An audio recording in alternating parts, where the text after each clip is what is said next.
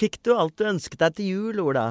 Eh, ja, det vil jeg si. Eh, og nå har jeg jo fått en ny episode av eh, Siste med Marie Simonsen i romjula som etterjulsgave også, så jeg er veldig fornøyd med fangsten, ja. Fordi nå er vi tilbake på alvoret, Ola. Det er vi. Vi skal oppsummere året. I think it's a disgrace.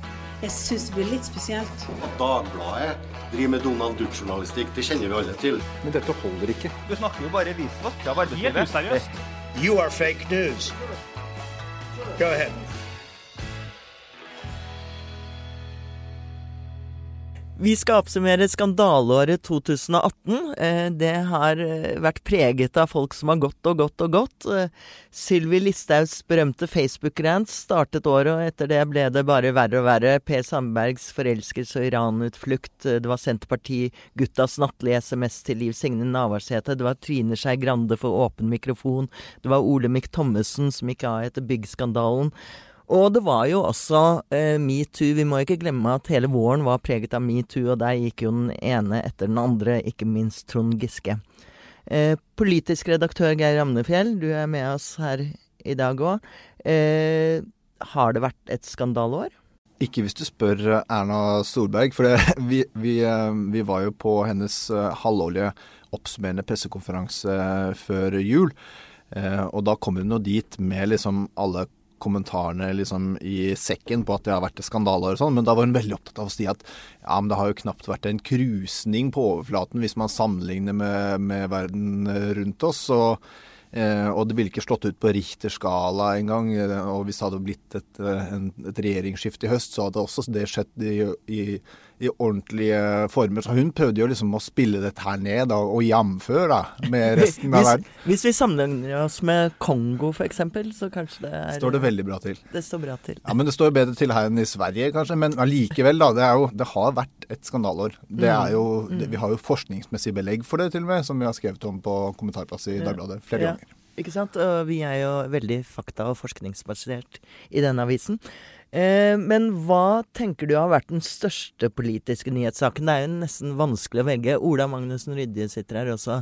Eh, hva tenker du av eh, eh, på øverste hylle? Nei, det, er- det er vanskelig å komme utenom om metoo, syns jeg. Selv om det begynner å bli en stund siden. Men det var jo ikke noe annet. Eh, Det var snakk om de første månedene på nyåret. eh, Og så gikk det jo liksom gradvis over i en SSB-skandale for eh, Siv Jensen osv. Men eh, nei, det må være metoo for meg, altså.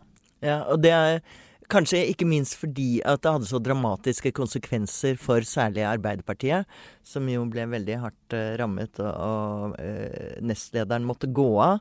Og det virker som om de fremdeles er litt i sjokk etter det. Hva tenker du, Geir? Hva er det som Jeg syns det er vanskelig å liksom plukke ut én, for de har vært ganske dominerende alle sammen når de har stått på. Men metoo er, er nok den største. Det er jeg helt enig i. Det som har fått størst betydning, veltet en, eh, en betydelig politisk karriere eh, i eh, Norge. Da snakker vi selvfølgelig om Trond, eh, Trond Giske. Men også, eh, også Listhaug-saken var jo helt dominerende når den eh, sto på. Eh, og Per Sandberg-saken var jo altså Litt mer utrolig. absurd. Ja, den var absurd, men det var, så, det var jo så mye i den, og det var jo så enorm interesse for den.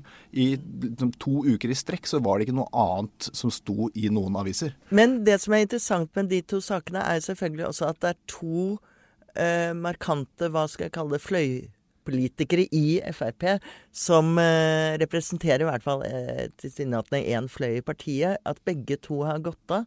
Eh, hvordan, hvilken betydning har det hatt for Frp, tenker du? Ja, det, også, det er også et element i det hele, at det forrykker på en måte balansen, maktbalansen i, eh, i Frp. Eh, Sylvi Listhaug ble pressa ut, av, eh, ut av regjeringsprosjektet.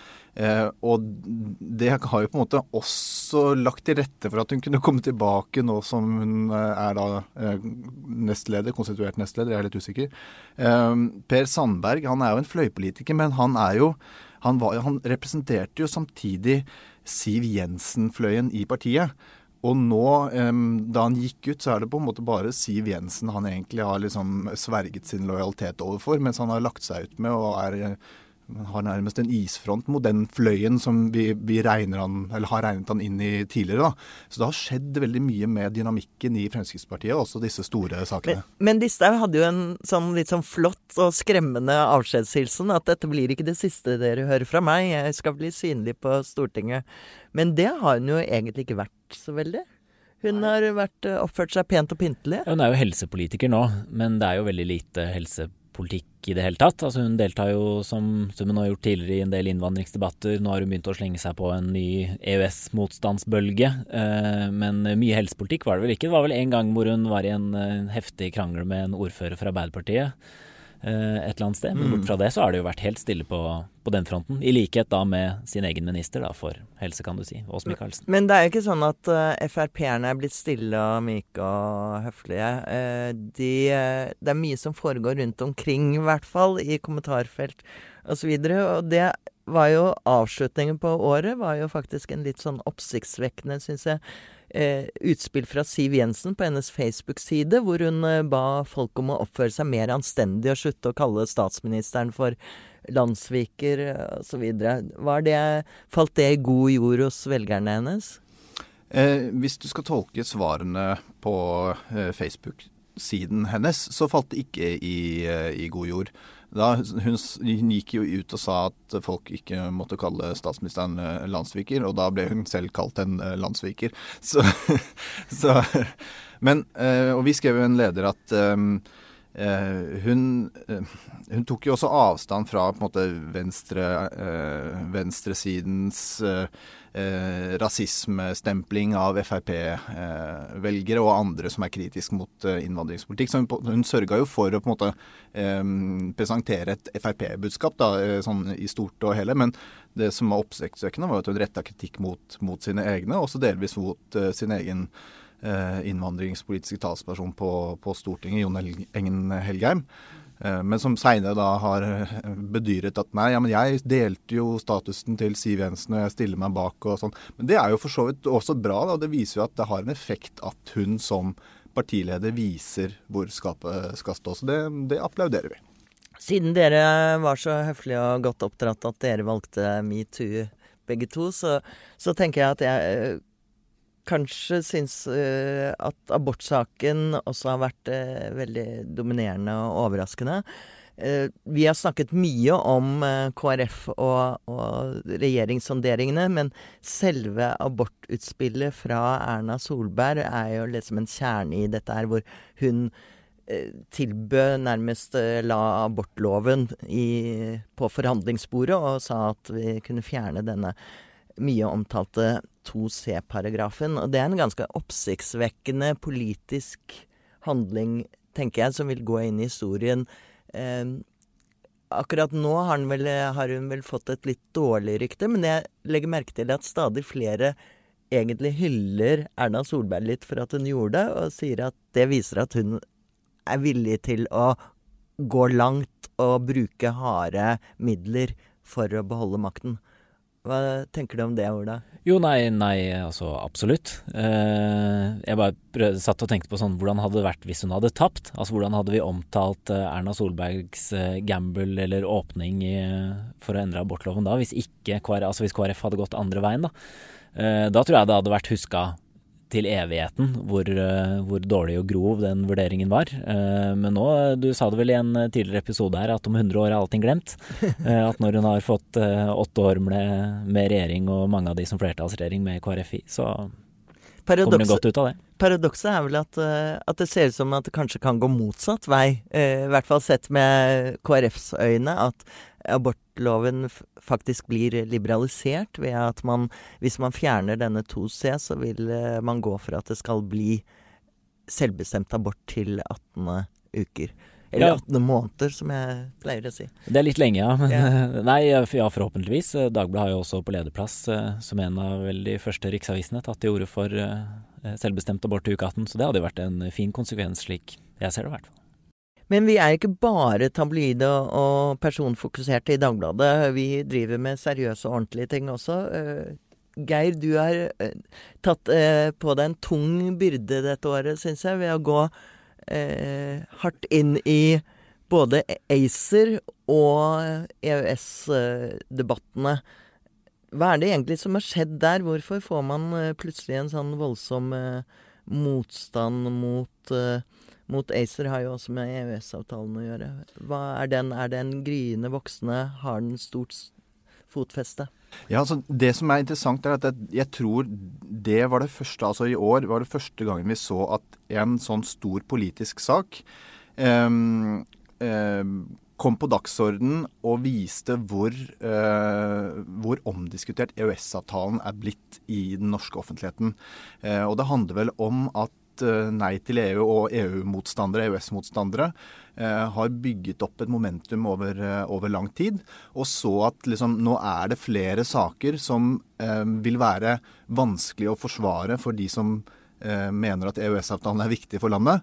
Eh, og har mobilisert mot den type saker som ACER, som er sånn tekniske, kompliserte saker som, som det er veldig lett å liksom demonisere, og vanskelig og teknisk eh, å forsvare.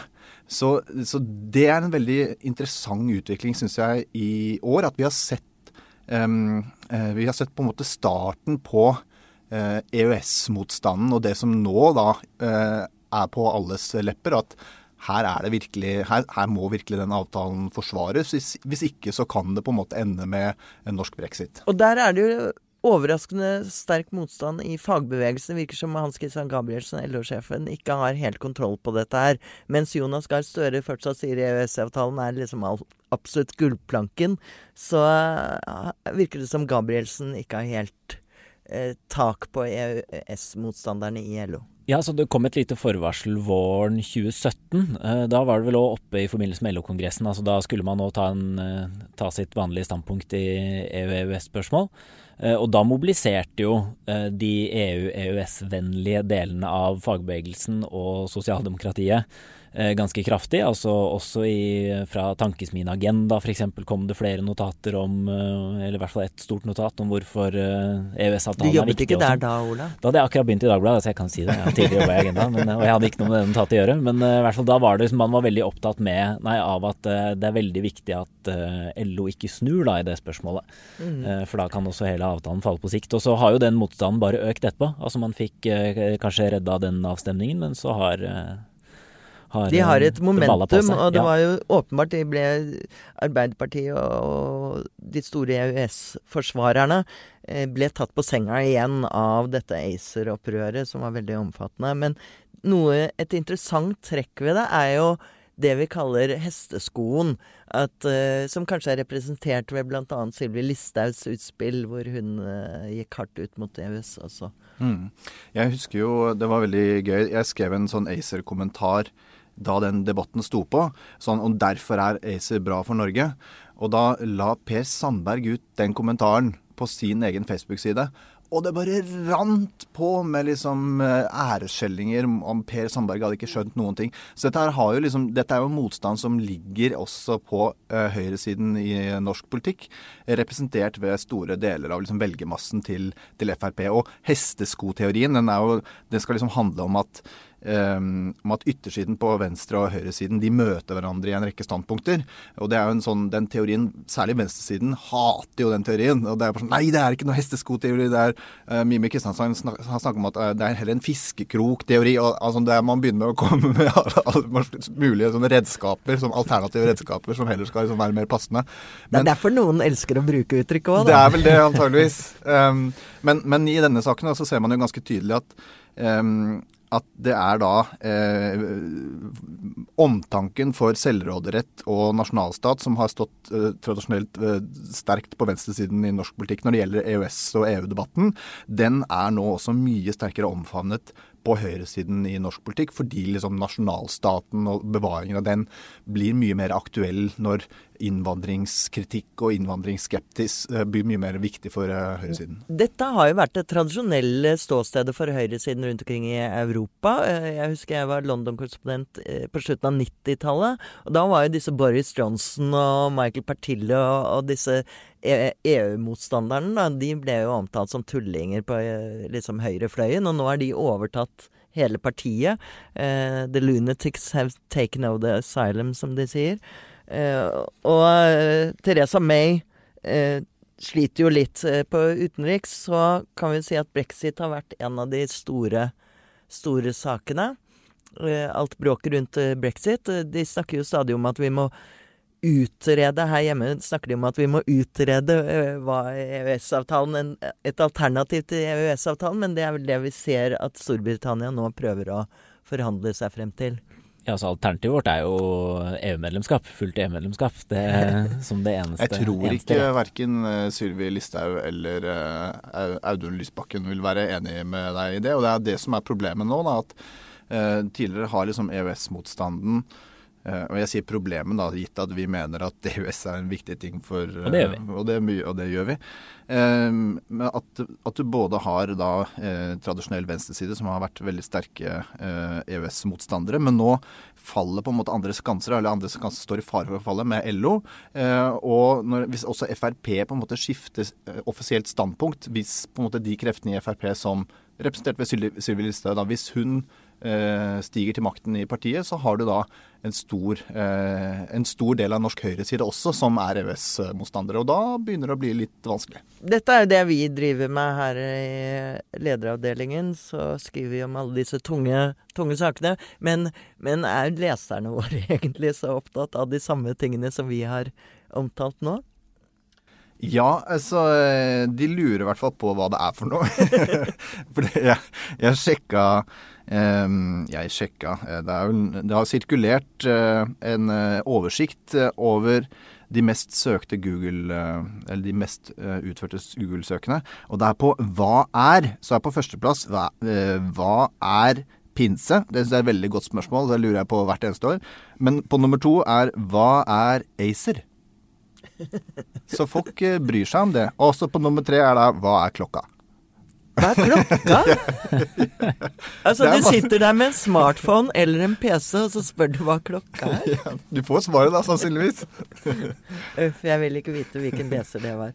Uh, nei, men uh, da har vi oppsummert året. Jeg tror det er ganske mange som er, har vært opptatt av de samme sakene likevel. Det er politikk, politikk og skandaler som har vært høyt i nyhetsbildet gjennom hele 2018. Og jeg tror ikke det blir annerledes i 2019. Og vi trives jo godt med det. Vi elsker det.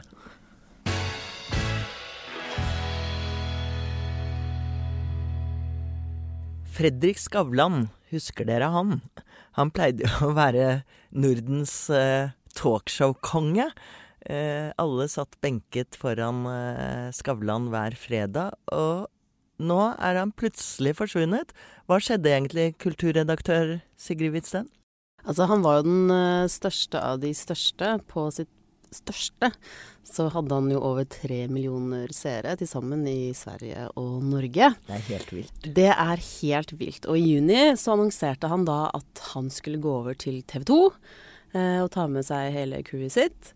NRK var jo selvfølgelig rasende. Altså de de sa det egentlig ikke, men du kunne lese det under linjene i uh, pressemeldingene at de, dette var de veldig misfornøyd med, at de hadde tapt budrunden mot TV 2. Uh, han var veldig fornøyd, for han har fått en veldig stor sum penger som vi ikke vet hva er, men antageligvis kjempestor. Det er i hvert fall veldig mye mer enn NRK kunne tilby. NRK kan ikke tilby for mye, for de er uh, allmennkringkaster. Det er vi som har finansiert dem gjennom lisensen, så de skal ikke være markedsledende på pris på sånne ting. Så det er fint at de sa nei til uh, Griske-Fredrik. Eh, og han gikk over til TV 2, og så ble det kjempeflopp. Kjempe, kjempeflopp. Han ble totalt grust. Fra første dag? Fra første dag. Han ble totalt grust av uh, Anne Lindmo sitt uh, fredagsshow. Og det har jeg funnet ut, det er det tre Altså det er mange grunner til det, men det er egentlig tre hovedgrunner til det. Det første er jo det at han bomma fullstendig, han og TV 2 bomma fullstendig på målgruppa. Det er jo eldre seere på NRK. Eh, TV 2 har yngre seere, og de skviste han mellom Idol, som er sånn klassisk familieprogram hvor eh, foreldre og barn sitter og stemmer, eh, bruker masse penger på å stemme fram ukjente folk, og Senkveld, som appellerer mer til unge voksne. Og midt imellom der skulle vi altså ha Fredrik Skavlan intervjuer C-kjendiser fra Hollywood og norske politikere og svenske politikere. Og det funker ikke. vet du. Men det var også tanken, var det ikke at de skulle ha noen sånne snutter og sånn på internett? Altså, En av eh, hovedårsakene til at TV 2 uh, gikk inn i denne enorme dealen, var jo det at uh, de kunne bruke masse eksklusivt Skavlan-innhold uh, på betalingstjenesten sin TV2 Sumo. og som alle vet, så er jo abonnement framtida for oss i Medie-Marie. det er ikke spesielt trygt reklamemarked i dag alle, altså abonnement er det nye gullet, rett og slett. Og TV 2 er jo også der, så de tenkte at folk skulle gå mann av huset for å betale for eksklusivt Skavlan-innhold. Det vet jeg ikke om de har gjort, men jeg kan ikke tenke meg det, for å være helt ærlig. Jeg har ikke gjort det. Nei, du har ikke gjort det. Og når det er så få som ser på det på lineær-TV, så tror jeg ikke at eh, de som er digitale, altså de unge, har kastet seg over Men nå avbrøt jeg deg. Er du inne i din andre Forklaring? Ja, nei. Eh, de er for eh, de, de, ønsket å trekke kanskje de litt eldre seerne fra NRK til TV 2. Men de eldre seerne på eh, NRK de hadde vært og sett, de har sett Nytt på Nytt. De koste seg egentlig med Anne Lindmo og gadd ikke å switche over til TV 2. Og så var det pga. innholdet også. Mm. Alle vet jo eh, at gamle kjendiser fra Hollywood ikke selger. Og det har visst uh, Skavlan-redaksjonen ikke fått med seg, da.